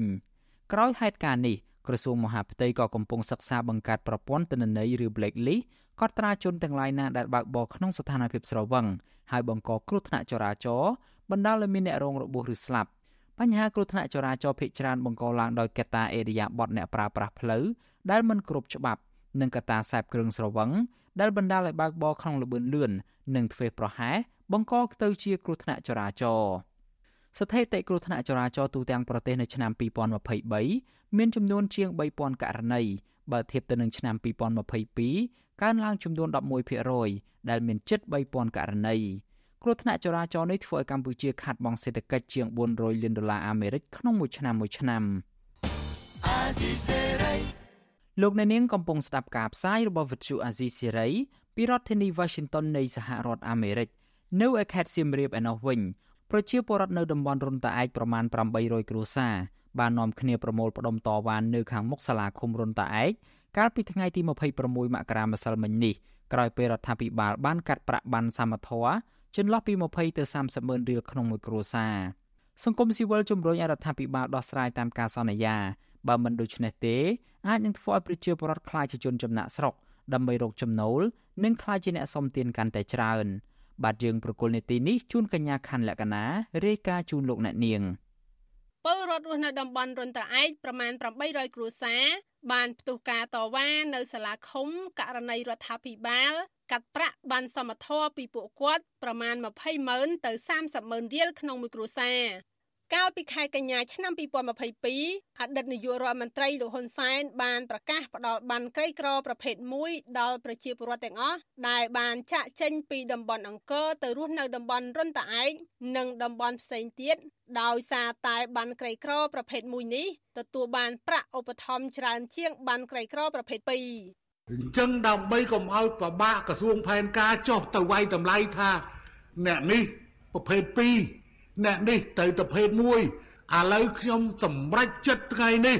ប្រគល់ជូនបងប្អូនទាំងអស់ទាំងមុនទាំងក្រោយប្រភេទមួយទាំងអស់ប្រភេទមួយទាំងអស់អ្នកកាន់ប្រភេទ2កំពុងតែកាន់ប្រភេទ2ត្រូវដូរមកប្រភេទ1វិញពលរដ្ឋរស់នៅតំបន់រុនតាឯកលោកឡងឡែនប្រាប់វិសុអាស៊ីសេរីនៅថ្ងៃទី26មករាថាគ្រួសារដែលធ្លាប់បើកប្រាក់ពីបានសមត្ថៈចំនួន32ម៉ឺនរៀលក្នុងមួយខែកន្លងមក ប៉ុន្តែខែមករានេះបើកបានតែ12ម៉ឺនរៀលក្នុងមួយគ្រួសារដោយរដ្ឋកាត់អស់20ម៉ឺនរៀលលោកថាបើរដ្ឋាភិបាល មិនផ្ដល់ប្រាក់បន្ថែមដល់ពួកគាត់ទេ សូមកុំបន្ថយពីព្រោះធ្វើឲ្យប៉ះពាល់កាន់តែខ្លាំងដល់ជីវភាពរបស់ពួកគាត់ ហើយក៏ដូចជា យកពួកគាត់ទៅសម្លាប់ចោលដោយសារតែវិធានការដែលរដ្ឋាភិបាលឲ្យពួកគាត់ចេញពីតំបន់អង្គរទៅរស់នៅតំបន់រុនតាឯកនេះ ធ្វើឲ្យពួកគាត់បាត់បង់ការងារប្រាក់ចំណូល និងជំពាក់បំណុលធនាគារវ៉ាន់កទៅហើយលះបង់ដីស្រែចម្ការរបស់ពួកខ្ញុំមកតាមអ្វីដែលនៅសមរបស់រដ្ឋហើយរដ្ឋក៏បានសន្យាឲ្យបានសមត្ថភាពពួកខ្ញុំ10ឆ្នាំតែឥឡូវនេះបានតែមួយឆ្នាំជាងគាត់ធ្វើអញ្ចឹងវាអយុត្តិធម៌មែនទេអញ្ចឹងណាអញ្ចឹងមានន័យថាសម្ដីរបស់ប្រមុខដឹកនាំនិយាយហើយគឺអត់យកជាបានការតែម្ដងអញ្ចឹងវាអយុត្តិធម៌មែនទេអញ្ចឹងពួកខ្ញុំក៏អត់មានណាទៅចិត្តដែរពលរដ្ឋម្នាក់ទៀតសូមមិនបញ្ចេញឈ្មោះលើកឡើងដែរថា គ្រួសាររបស់ពួកគាត់ដែលមានសមាជិក9នាក់ទទួលបានប្រាក់សមត្ថៈចំនួន48ម៉ឺនរៀលជារៀងរាល់ខែប៉ុន្តែខែមករានេះគ្រួសារគាត់បើកបានតែ16ម៉ឺនរៀលដោយរដ្ឋកាត់អស់30ម៉ឺនរៀលលោកស្នើឲ្យរដ្ឋាភិបាលថ្មីនេះពិចារណាឡើងវិញចំពោះការកាត់ប្រាក់ពីពួកគាត់លោកថាបើមិនមានដំណោះស្រាយទេ ពួកគាត់នឹងនាំគ្នាឡើងទៅតវ៉ានៅថ្នាក់ជាតិឬត្រឡប់ទៅរស់នៅតំបន់អង្គរវិញ ពីព្រោះការទៅរស់នៅតំបន់រុនតាឯកធ្វើឲ្យពួកគាត់ប្រឈមបញ្ហាជីវភាពខ្លាំងហើយរដ្ឋាភិបាលបែរជាដកប្រាក់ឧបត្ថម្ភជាងពាក់កណ្ដាលពីពួកគាត់ថែមទៀតគឺថាដកលុយនោះទៅទុកសម្រាប់តង្កល់ឲ្យអ្នកដែលចូលរៀនវិជ្ជាជីវៈនៃជំនាញផ្សេងៗដូចជាខាងស្រីស្រីរៀនឆុងកាហ្វេធ្វើនំហើយប្រុសប្រុសរៀនខាងសំណង់ខាងគ្រឿងចក្រអេឡិចត្រូនិក ប៉ុន្តែពួកយើងមិនយល់ស្របគួរតែមានកញ្ចប់ថវិកាផ្សេងដាច់ចលែកពីប្រជាពលរដ្ឋដែលកំពុងតែមានបានសម្បត្តិឲ្យដកពីបានសម្បត្តិពួកគាត់ទៅឲ្យពួកនឹងវាអត់ត្រូវបើយើងចង់បង្កើននៃចំណេះជំនាញសម្រាប់ពលរដ្ឋរដ្ឋាភិបាលគួរតែបង្កើតជាកញ្ចប់សម្រាប់សិស្សសាលាទាំងឡាយនោះมันអាចដកកញ្ចប់ថវិកានៃពលរដ្ឋដែលគាត់កំពុងតែមាននៅក្នុងបានរបស់ពួកគាត់ទេវិទ្យុអាស៊ីសេរីមិនអាចសុំការអធិប្បាយបញ្ហានេះ ពីមេឃុំអ្នកស្រីឈួនអឹមនិងជំទប់ទី1ឃុំរិនតាឯកលោកទៀវសំបានទេ នៅថ្ងៃទី26មករាដោយទូរស័ព្ទចូលគ្មានអ្នកទទួលអ្នកសារព័ត៌មានអាស៊ីសេរីបានតាក់ទងទៅអភិបាលខេត្តសៀមរាបលោកប្រាក់សុភ័ណ្ឌប៉ុន្តែមានអ្នកចុចផ្ដាច់ទូរស័ព្ទនៅពេលឮអ្នកសារព័ត៌មានអាស៊ីសេរី អ្នកសម្របសម្រួលគម្រោងធុរកិច្ចនិងសិទ្ធិមនុស្សរបស់មជ្ឈមណ្ឌលសិទ្ធិមនុស្សកម្ពុជាលោកវ៉ាន់សុផាតប្រាប់វិទ្យុអាស៊ីសេរីនៅថ្ងៃទី26មករាថាការសន្យារបស់រដ្ឋាភិបាលថ្មីដឹកនាំដោយលោកហ៊ុនម៉ាណែតក្នុងការប្រែក្លាយតំបន់រុនតាឯកទៅជាទីក្រុងរណបដ៏ស្រស់ស្អាតមួយមិនអាចទៅរួចទេប្រសិនបើមិនដោះស្រាយបញ្ហាជីវភាពប្រជាពលរដ្ឋតាមការសន្យារបស់រដ្ឋាភិបាល បទពិសោធន៍ពីមុនមកដូចជានៅខាងភ្នំពេញនៅបរិយាកាសដែលទៅមិនដឹងចេញទៅខ្ញុំបាទអីហ្នឹងបច្ចុប្បន្នហ្នឹងគឺคล้ายទៅជាអ្នកសុំទានក៏មានអ្នករើសអេតចាយក៏មានអាហ្នឹងវាជាបន្ទុកបន្ថែមសម្រាប់ប្រជាពលរដ្ឋហ្នឹងណាអាហ្នឹងក៏វាជាការរំលោភសិទ្ធិមនុស្សមួយដែលធ្ងន់ធ្ងរហើយជាពិសេសគឺអនុសាសន៍របស់ Amnesty International ឬមួយក៏ UNESCO ថ្មីថ្មីនេះគឺថាសូមឲ្យបញ្ឈប់ការបណ្ដឹងចេញដោយមិនទាន់ហើយនឹងពិនិត្យមើលទៅលើជីវភាពរបស់ប្រជាពលរដ្ឋដែលត្រូវបានបណ្ដឹងចេញទៅនៅរុនតាឯកហ្នឹងណា ក្រមប្រជាពលរដ្ឋរស់នៅតំបន់រុនតាឯកបានអះអាងថាពលរដ្ឋដែលទទួលបានបានសមត្ថភាពមានជាង6000គ្រួសារក្រោយពីប្រមូលផ្ដុំតវ៉ានៅខាងមុខសាលាឃុំរុនតាឯកជាង1ម៉ោងនៅព្រឹកថ្ងៃទី26មករាពួកគាត់បានរំសាយវិញ បន្ទាប់ពីអាជ្ញាធរឃុំបានសន្យាថានឹងជួបពិភាក្សាជាមួយពួកគាត់ដោយផ្ទាល់នៅថ្ងៃស្អែកនៅផ្សាររុនតាឯកថ្មីដើម្បីរកដំណោះស្រាយខ្ញុំខណ្ឌលក្ខណាវັດឈូអាស៊ីសេរី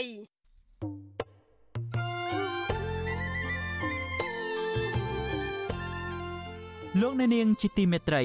នៅក្នុងឱកាសនេះដែរខ្ញុំបាទសូមថ្លែងអំណរគុណដល់លោកអ្នកនាងកញ្ញាទាំងអស់ដែលតែងតែមានភក្ដីភាពចំពោះការផ្សាយរបស់យើងហើយចាត់ទុកការស្ដាប់វិទ្យុអាស៊ីសេរីគឺជាផ្នែកមួយនៃសកម្មភាពប្រចាំថ្ងៃរបស់លោកអ្នកនាងគឺការគ្រប់គ្រងរបស់លោកអ្នកនាងនេះហើយដែលធ្វើឲ្យយើងខ្ញុំមានទឹកចិត្តកាន់តែខ្លាំងក្លាថែមទៀតនៅក្នុងការស្វែងរកនិងផ្តល់ព័ត៌មានជូនលោកអ្នកនាង មានអ្នកស្ដាប់អ្នកទស្សនាកាន់តែច្រើនកាន់តែធ្វើឲ្យយើងខ្ញុំមានភាពស្វាហាប់ មោះមុតជាបន្តទៅទៀតយើងខ្ញុំសូមអរគុណទុកជាមុនហើយសូមអញ្ជើញលោកអ្នកនាងកញ្ញាទាំងអស់ចូលរួមជំរុញឲ្យសកម្មភាពផ្តល់ព័ត៌មានយើងនេះកាន់តែជោគជ័យបន្ថែមទៀតលោកអ្នកនាងអាចជួយយើងខ្ញុំបានដោយគ្រាន់តែចុចចែករំលែកឬមួយក៏ Share ការផ្សាយរបស់យើងនៅលើបណ្ដាញសង្គម Facebook និង YouTube ទៅកាន់មិត្តភ័ក្តិដើម្បីឲ្យការផ្សាយរបស់យើងបានទៅដល់មនុស្សកាន់តែច្រើន បាទសូមអរគុណ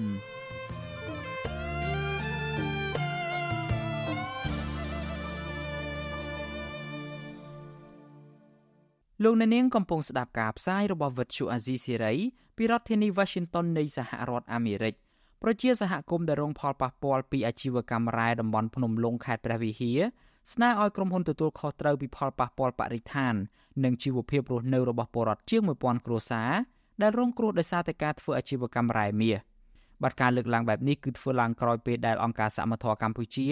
បានបង្ហាញរបាយការណ៍មួយប្រកាសអាសន្នពីបញ្ហាអាជីវកម្មរ៉ែនៅកម្ពុជា បាទសំលោកនៅនាងស្ដាប់សេចក្តីរាយការណ៍នេះពឹស្ដារបស់អ្នកស្រីសុជីវីដូចតទៅប្រជាសហគមន៍រស់នៅតំបន់ភ្នំលុងស្រុករវៀងខេត្តព្រះវិហារចាត់ទុករបាយការណ៍របស់អង្គការសមត្ថៈថាឆ្លុះបញ្ចាំងការពិត ហើយពួកគាត់ទាមទាររដ្ឋាភិបាលដោះស្រាយបញ្ហានេះប្រកបដោយប្រសិទ្ធភាព ជាពិសេស ត្រូវប្រុងប្រយ័ត្នខ្ពស់មុននឹងផ្ដល់អាជ្ញាប័ណ្ណឲ្យក្រុមហ៊ុនណាមួយធ្វើអាជីវកម្មរ៉ែរបាយការណ៍កម្រាស់ជាង60ទំព័រដែលចេញផ្សាយកាលពីចុងឆ្នាំ2023ផ្ដោតសំខាន់ទៅលើបញ្ហាក្រុមហ៊ុនបានប្រើសារធាតុគីមី បង្កហានិភ័យទៅដល់សុខភាព បង្កើតឲ្យមានការទន្ទ្រានយកដីធ្លី ការបំផ្លាញបរិស្ថាន និងសុវត្ថិភាពការងាររបស់ពលរដ្ឋកម្ពុជា ជាពិសេសជនជាតិដើមភាគតិចតំណាងសហគមន៍ជនជាតិដើមភាគតិចគួយខេត្តព្រះវិហារលោកពុយឆេន ប្រាប់វិទ្យុអាស៊ីសេរីនៅថ្ងៃទី25ខែមករាថាពេលនេះមានក្រុមហ៊ុនវិនិយោគអាជីវកម្មចម្រាញ់រ៉ែមាសចំនួន3នៅតំបន់ភ្នំលុងបន្តពង្រីកផ្ទៃដីធ្វើអាជីវកម្មរ៉ែមាសរបស់ខ្លួនប៉ះពាល់ពលរដ្ឋដោយផ្ទាល់ជាង1000គ្រួសារជាច្រើនឆ្នាំមកហើយ។លោកបញ្ជាក់ថាពលរដ្ឋរងផលប៉ះពាល់ធ្ងន់ជាងគេដោយសារតែដីចម្ការរបស់ពួកគាត់មានរ៉ែមាសនៅក្នុងដីហើយក្រុមហ៊ុនទាំងនេះបានរំលោភបំពានដីកសិកម្មរបស់ពួកគាត់ជាបន្តបន្ទាប់ បង្កើតឲ្យមានចំនួនដីធ្លីជាង10ឆ្នាំមកហើយនៅមិនទាន់ដោះស្រាយរួចចង់ឲ្យក្រុមហ៊ុននឹងឯងបង្ការខូចខាតមួយគឺបញ្ហាបរិស្ថានទីពីរទៀតគឺបង្ការខូចខាតដីព្រៃភ្នំទាំងអស់ហ្នឹងឯងគឺចិត្តតែក្រុមហ៊ុននឹងឯងវាកាប់បំផ្លាញព្រៃឈើព្រៃអីអស់ហើយដូចនេះបរិស្ថានទាំងព្រៃឈើទាំងបរិស្ថានទាំងទឹកទាំងអីទាំងអស់ហ្នឹងគឺទៅតែក្រុមហ៊ុននឹងឯងមានការសងសំណងមកលើប្រជាជនវិញពីព្រោះប្រជាជនរស់នៅដោយសាររងនៅអរិយ សារជាតិពលហ្នឹងវាច្រើនណាស់រាប់ឆ្នាំមកហើយចារបាយការណ៍របស់អង្គការសមត្ថៈដដែលបន្ថែមថាក្រុមហ៊ុន Delcom Cambodia ស្ថិតនៅក្នុងចំណោមករណីសិក្សាស្រាវជ្រាវនៅកន្លែងផ្សេងទៀតនៅក្នុងខេត្តរតនគិរីមណ្ឌលគិរីនិងក្រចេះពលរដ្ឋនៅក្នុងតំបន់នោះបានជីករករករ៉ែខ្នាតតូចលក្ខណៈគ្រួសារជាច្រើនចំនួនមកហើយតែត្រូវបានហាមឃាត់នៅពេលដែលក្រុមហ៊ុនឯកជនចូលទៅវិនិយោគនៅទីនោះ អង្គការដដែលលើកឡើងនៅក្នុងរបាយការណ៍ទៀតថាក្រុមស្រាវជ្រាវបានជជែកផ្ទាល់ជាមួយជនជាតិដើមភាគតិចជាច្រើនអ្នកហើយសហគមន៍និយាយថាសារធាតុរ៉ែបានបំពុលផ្លូវទឹកជាមួយនឹងជាតិគីមី ដែលក្រុមហ៊ុនចម្រាញ់យកមាសនិងធ្វើឲ្យពួកគាត់បាត់បង់ដីនិងការចិញ្ចឹមជីវិតលក្ខណៈប្រពៃណីបង្ខំឲ្យអ្នកភូមិផ្លាស់ទីលំនៅរីឯការទទួលសំណងបានតិចតួចប៉ុណ្ណោះជុំវិញរឿងនេះនាយកប្រតិបត្តិអង្គការសមត្ថៈកម្ពុជាលោកអៀងវុធី ប្រាប់វិទ្យុអាស៊ីសេរីថាគោលបំណងនៃរបាយការណ៍នេះដើម្បីឲ្យតួអង្គទាំងអស់ដឹងពីស្ថានភាពរ៉ែទាំងចំណុចវិជ្ជមាន និងអវិជ្ជមានលោកសង្កេតឃើញថាក្រុមហ៊ុនខ្លះបំពេញលក្ខខណ្ឌរបស់ក្រសួងបានល្អប៉ុន្តែក្រុមហ៊ុនខ្លះទៀតមិនទាន់បំពេញលក្ខខណ្ឌត្រឹមត្រូវនៅឡើយធ្វើឲ្យមានហានិភ័យការងារខ្វះប្រព័ន្ធសវត្ថិភាពជូនកម្មករនិងការគ្រប់គ្រងសារធាតុគីមីខ្វះចន្លោះច្រើនប៉ះពាល់ដល់អ្នកភូមិនៅក្នុងតំបន់ក្រុមហ៊ុនវិនិយោគ បង្កើតឲ្យមានបញ្ហាដីធ្លី។ បញ្ហាដែលកើតឡើងហ្នឹងតួអង្គណាខ្លះដែលគួរតែធ្វើការចូលរួមដោះស្រាយទាក់ទងទៅនឹងបញ្ហាដីធ្លីបញ្ហាបំពុលបរិស្ថានឡាក់នឹងឡាក់ហ្នឹងថាតើក្រុមហ៊ុនពុំមានក្រុមហ៊ុនច្រើនដែលចូលរួមនៅក្នុងវិស័យហ្នឹងចាំបាច់វាត្រូវតែមានករណីជាក់លាក់អញ្ចឹងណាយើងមានការបារម្ភទាក់ទងទៅនឹងវិស័យរ៉ែនេះវាទាក់ទងទៅនឹងបញ្ហាផ្លូវច្បាប់ថាតើក្រុមហ៊ុនទាំងអស់ហ្នឹងគាត់បានបំពេញលក្ខខណ្ឌដែលច្បាប់តម្រូវឲ្យនៅហើយគាត់មានការពិគ្រោះយោបល់ជាមួយវិជាពលរដ្ឋដែលនៅក្នុងតំបន់ហ្នឹងដែរទេបើតាមរបាយការណ៍របស់អង្គការសមត្ថៈកម្ពុជា ក្រុមហ៊ុន Renaissance Mineral ដែលគ្រប់គ្រងកន្លែងយករ៉ែមាសនៅក្នុងតំបន់អូខ្វាវនៅក្នុងស្រុកកៅសីមាខេត្តមណ្ឌលគិរីផ្ដល់ការងារល្អដល់ពលរដ្ឋកម្ពុជាបានអនុវត្តតាមវិធានសុវត្ថិភាពមូលដ្ឋានផ្ដល់ឲ្យនូវអត្ថប្រយោជន៍សុខភាពជាដើម។លើសពីនេះទៀតក្រុមហ៊ុនបានដាក់ទុនវិនិយោគលើហេដ្ឋារចនាសម្ព័ន្ធនៅមូលដ្ឋានដែលផ្ទុយពីក្រុមហ៊ុនចិនគ្រប់គ្រងដោយជនជាតិចិន គឺក្រុមហ៊ុនរងឆេង ដែលកំពុងធ្វើអាជីវកម្មរ៉ែមាសនៅខេត្តមណ្ឌលគិរីចំណែកអ្នកភូមិខ្លះសប្បាយចិត្តជាមួយក្រុមហ៊ុន Renaissance Mineral របស់ប្រទេសអូស្ត្រាលីលើកលែងតែការទុនទ្រានរបស់ក្រុមហ៊ុនលើដីប្រពៃណីរបស់ជនជាតិដើមភាគតិចនិងកង្វះដំណាភាពជុំវិញផែនការនិងសកម្មភាពរបស់ក្រុមហ៊ុនកាលពីដំបូងឡើយ។ពេលនេះមានក្រុមហ៊ុនចំនួន3កំពុងបន្តធ្វើអាជីវកម្មរ៉ែមាសនៅក្នុងតំបន់ភ្នំលុងស្រុករវៀងខេត្តព្រះវិហាររួមមានក្រុមហ៊ុនគីមជាធួនគ្រុប ក្រុមហ៊ុន Delcom Cambodia និងក្រុមហ៊ុន Hansen San អ្នកភូមិថាក្រុមហ៊ុនទាំងនេះបានដណ្ដើមគ្នាពុះភ្នំលុងធ្វើអាជីវកម្មរ៉ែមាសនិងតែងតែពង្រីកផ្ទៃដីអាជីវកម្មរ៉ែមាសប៉ះពាល់ជនជាតិដើមភាគតិចដោយផ្ទាល់រាប់រយគ្រួសារបង្កើតឲ្យមានចំនួនដីធ្លីតំណាងសហគមន៍រងគ្រោះពីអាជីវកម្មរ៉ែនៅក្នុងតំបន់ភ្នំលុងខេត្តព្រះវិហារលោកពុយឆេងបន្ថែមថាពលរដ្ឋជាង1000គ្រួសាររងគ្រោះពីអាជីវកម្មរ៉ែមាសទាំងនេះ នៅមិនទាន់ទទួលបានសំណងនឹងការអភិវឌ្ឍមូលដ្ឋាន ដើម្បីប៉ះប៉ូវផ្លូវចិត្តរបស់ពួកគាត់នៅឡើយទេខណៈដែលធនធានធម្មជាតិនៅតំបន់របស់ពួកគាត់រស់នៅត្រូវបានក្រុមហ៊ុនទាំងនេះបំផ្លាញស្ទើរទាំងស្រុងរីឯប្រភពទឹកអូក៏មានសារធាតុពុលបាត់បង់ត្រីសាច់និងទំហំព្រៃឈើជាច្រើនទៀតត្រូវក្រុមហ៊ុនឈូសឆាយពង្រីកទីតាំងរ៉ែមាស ជីវិតប្រចាំថ្ងៃរបស់ពួកគាត់ហ្នឹងការរកមាសហ្នឹងហើយពួកប្រជាជនក្រៅពីធ្វើស្រែចម្ការពួកគាត់រកជីមាសហ្នឹងហើយដល់ពេលក្រុមហ៊ុនទៅគឺដេញមិនឲ្យប្រជាជនធ្វើរកអីទៅលើភ្នំលើអីក៏ថ្ងៃគឺឡើងអត់បានទេដូច្នេះហើយបានតែតែប្រជាជននៅ trong ណៃគឺមានការខ្វះខាតបាត់បង់មុខរបរហ្នឹងហើយតែសំខាន់បំផុតបំពុលបរិយាកាសផ្នែកបរិស្ថានហ្នឹងហើយពលមានសារជាតិពីអីធ្វើឲ្យប្រជាជនពិបាកក្នុងការរស់នៅទេវានៅជុំវិញក្នុងឃុំរំទុំទាំងអស់ហ្នឹងឯង វិទ្យុអាស៊ីស្រីនៅមិនទាន់អាចតាក់ទងសុំការបំភ្លឺរឿងនេះពីអ្នកនាំពាក្យក្រសួងរាយនឹងធម្មពលលោកអឹងឌីប៉ូឡានិងតំណាងក្រុមហ៊ុនបានឡើយទេ នៅថ្ងៃទី25ខែមករាប៉ុន្តែអ្នកនាំពាក្យរូបនេះធ្លាប់ប្រាប់កាសែតភ្នំពេញប៉ុស្តិ៍កាលពីខែវិច្ឆិកាឆ្នាំ2022ថាសកម្មភាពរករករ៉ែកំពុងដំណើរការនៅក្នុងខេត្តត្បូងឃ្មុំរតនគិរី និងខេត្តបាត់ដំបងលោកថាអាញាបានរុករករ៉ែបន្ថែមទៀតអាចត្រូវបានចេញ ប្រសិនបើមានសក្តានុពលផលិតកម្មគ្រប់គ្រាន់កាលពីចុងខែវិច្ឆិកាឆ្នាំ2023រដ្ឋមន្ត្រីក្រសួងរ៉ែលោកកៅរតនៈបានថ្លែងនៅក្នុងកិច្ចប្រជុំមួយបង្ហាញពីគោលនយោបាយរ៉ែនិងធម្មពលឲ្យដឹងថាក្រសួងនឹងចាត់វិធានការទៅលើអាជីវកម្មរ៉ែមាសណាដែលអនាធិបតេយ្យធ្វើឲ្យបាត់បង់ចំណូលជាតិហើយក្រុមហ៊ុនវិនិយោគធំធំបំផ្លាញបរិស្ថាន និងកម្លាំងពលកម្មចំណែកឯនាយករដ្ឋមន្ត្រីលោកហ៊ុនម៉ាណែត បានថ្លែងជាសាធារណៈកាលពីចុងឆ្នាំ2023ថារដ្ឋាភិបាលនឹងផ្អាកផ្ដល់អាជ្ញាប័ណ្ណអាជីវកម្មរ៉ែមាសហើយលោកថារដ្ឋាភិបាលកំពុងយកចិត្តទុកដាក់លើវិស័យរ៉ែនិងធនធានធម្មជាតិរបាយការណ៍របស់អង្គការសមត្ថៈបន្ថែមទៀតថាអ្នកភូមិជាច្រើនអ្នករងសម្ពាធហើយពួកគាត់បង្ខំចិត្តទទួលយកសំណងដីធ្លីដែលមិនសមរម្យក្រោមតម្លៃទីផ្សារព្រោះតែមានការគំរាមកំហែងពីការបណ្តេញចេញទាំងបង្ខំនិងគ្មានសំណង ប្រសិនបើពួកគេមិនព្រមធ្វើតាមបន្ថែមពីនេះសុខភាពរបស់សហគមន៍ក៏ធ្លាក់ចុះខ្លាំងក្នុងរយៈពេល5ឆ្នាំកន្លងទៅនេះហើយអ្នកភូមិជាច្រើនមានជំងឺមហារីកជំងឺហៅមុខមាត់ការឈឺចាប់នៅក្នុងពោះជំងឺភ្លេចស្មារតីឬបាត់ការចងចាំ និងពកសាច់ជាដើម នាងខ្ញុំសុជីវីវិទ្យុអាស៊ីសេរី ពីរដ្ឋធានី Washington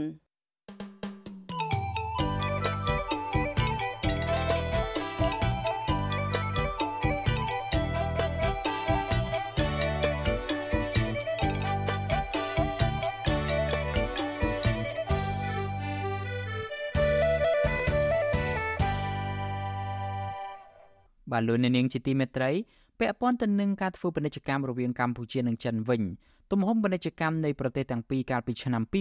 2023កម្ពុជានៅតែបន្តខាតបង់ច្រើនដោយសារតែការនាំចេញផលិតផលទៅចិនបានតិចតួចខណៈមិត្តដៃថៃចិនវិញពូកែនាំចូលផលិតផលមកកម្ពុជាកាន់តែច្រើនទិន្នន័យរបស់អគ្គនាយកដ្ឋានគយនឹងរដ្ឋកោបង្ហាញថាកាលពីឆ្នាំ2023ចិននាំចូលផលិតផលមកកម្ពុជាជិត11,000លានដុល្លារ ចំណែកកម្ពុជាវិញនាំទៅចិនត្រឹមតែជាង1000លានដុល្លារប៉ុណ្ណោះបាទអ្នកស្រីស្ងួនអមរាសូមជួបសេចក្តីរាយការណ៍ពិស្ដារអំពីរឿងនេះដូចតទៅក្រមសហជីពនិងអ្នកតាមដានកិច្ចការសង្គមវាយតម្លៃថាកម្ពុជា កំពុងរួមចំណែកពង្រីកសេដ្ឋកិច្ចប្រទេសចិននិងគ្មានឆន្ទៈកិត្តគូស្វែងរកដំណោះស្រាយលើបញ្ហាការធ្វើពាណិជ្ជកម្មជាមួយចិនដោយពុំមានតុល្យភាពប្រធានសហភាពការងារកម្ពុជាលោកអាត់ធុនប្រាប់វិទ្យុអាស៊ីសេរី នៅថ្ងៃទី24ខែមករាថាជញ្ជីងពាណិជ្ជកម្មរវាងកម្ពុជាចិន មានអនុភាពខ្លាំងនារយៈពេល2ឆ្នាំចុងក្រោយនេះឆ្លោះបញ្ចាំងថា ចិនមិនមែនជាទីផ្សារសម្រាប់កម្ពុជានោះទេ លោកបន្ថែមថា ការដែលចិនបន្តនាំចូលផលិតផលរបស់ខ្លួន ចូលកម្ពុជាកាន់តែច្រើន ចិននឹងកាន់តែមានឥទ្ធិពលសេដ្ឋកិច្ចនិងទទួលបានផលចំណេញកាន់តែច្រើនមកពីកម្ពុជា លោកបញ្ជាក់ថា មូលហេតុដែលចិនអាចនាំផលិតផលចូលកម្ពុជាច្រើន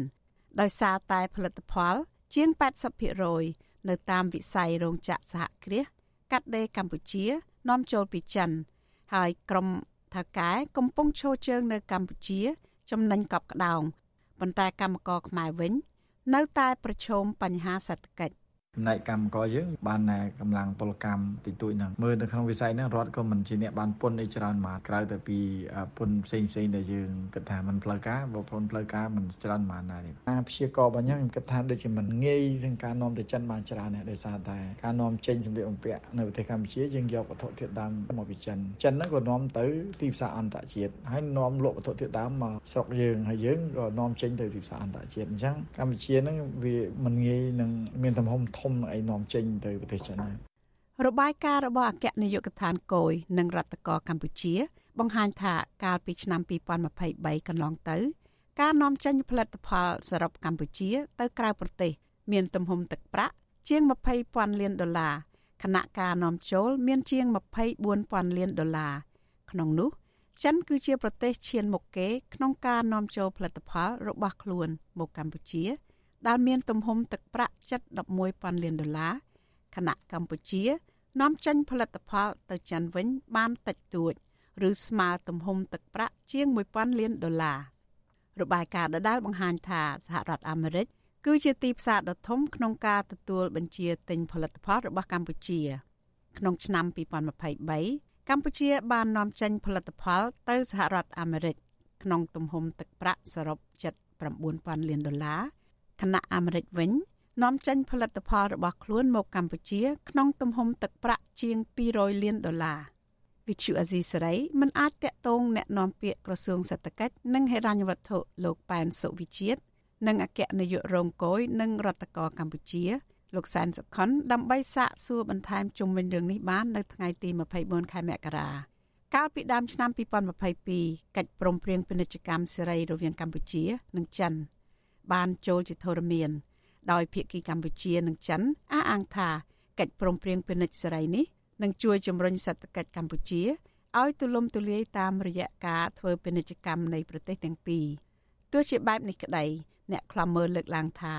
កិច្ចព្រមព្រៀងពាណិជ្ជកម្មសេរីរវាងកម្ពុជានិងចិន ចូលជាធរមានក្តី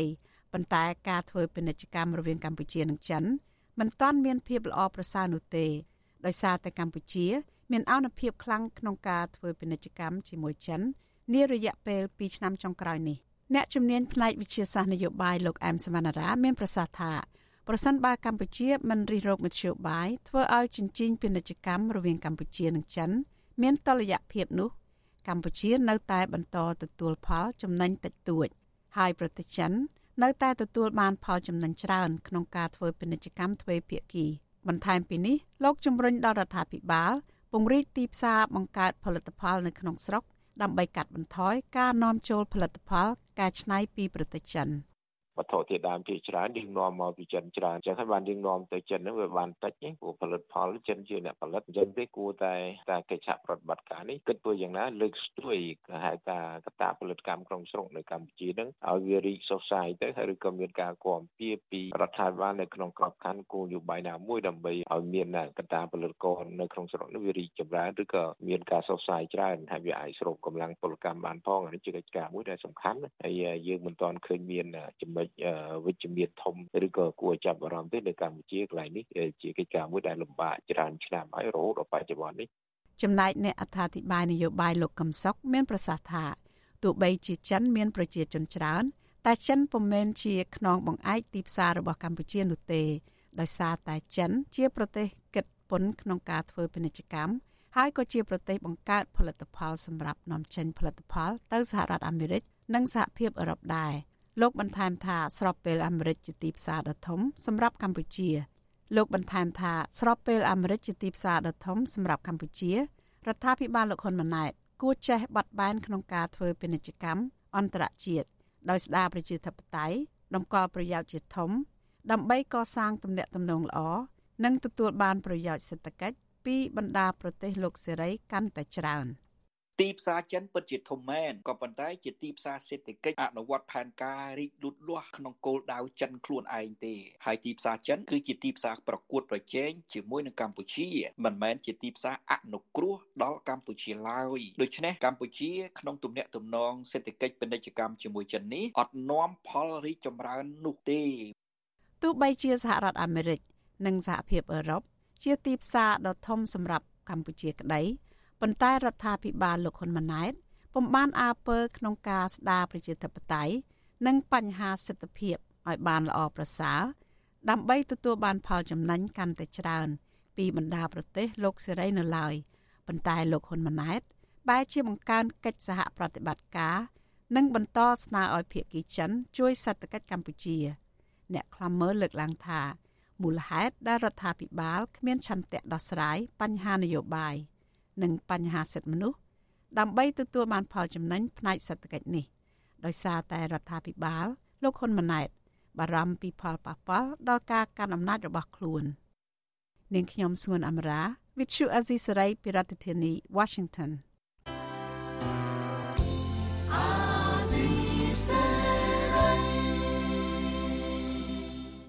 លោកអ្នកនាងជាទីមេត្រី ការផ្សាយរយៈពេល1ម៉ោងរបស់វិទ្យុអាស៊ីសេរីនៅព្រឹកនេះចប់ត្រឹមតែប៉ុណ្ណេះយើងខ្ញុំសូមជូនពរដល់លោកអ្នកនាងព្រមទាំងក្រុមគ្រួសារទាំងអស់ឲ្យជួបប្រកបតែនឹងសេចក្តីសុខចម្រើនរុងរឿងកុំបីឃ្លៀងឃ្លាតឡើយខ្ញុំបាទយ៉ងច័ន្ទដារាព្រមទាំងក្រុមការងារទាំងអស់នៃវិទ្យុអាស៊ីសេរីសូមអរគុណនិងសូមជម្រាបលា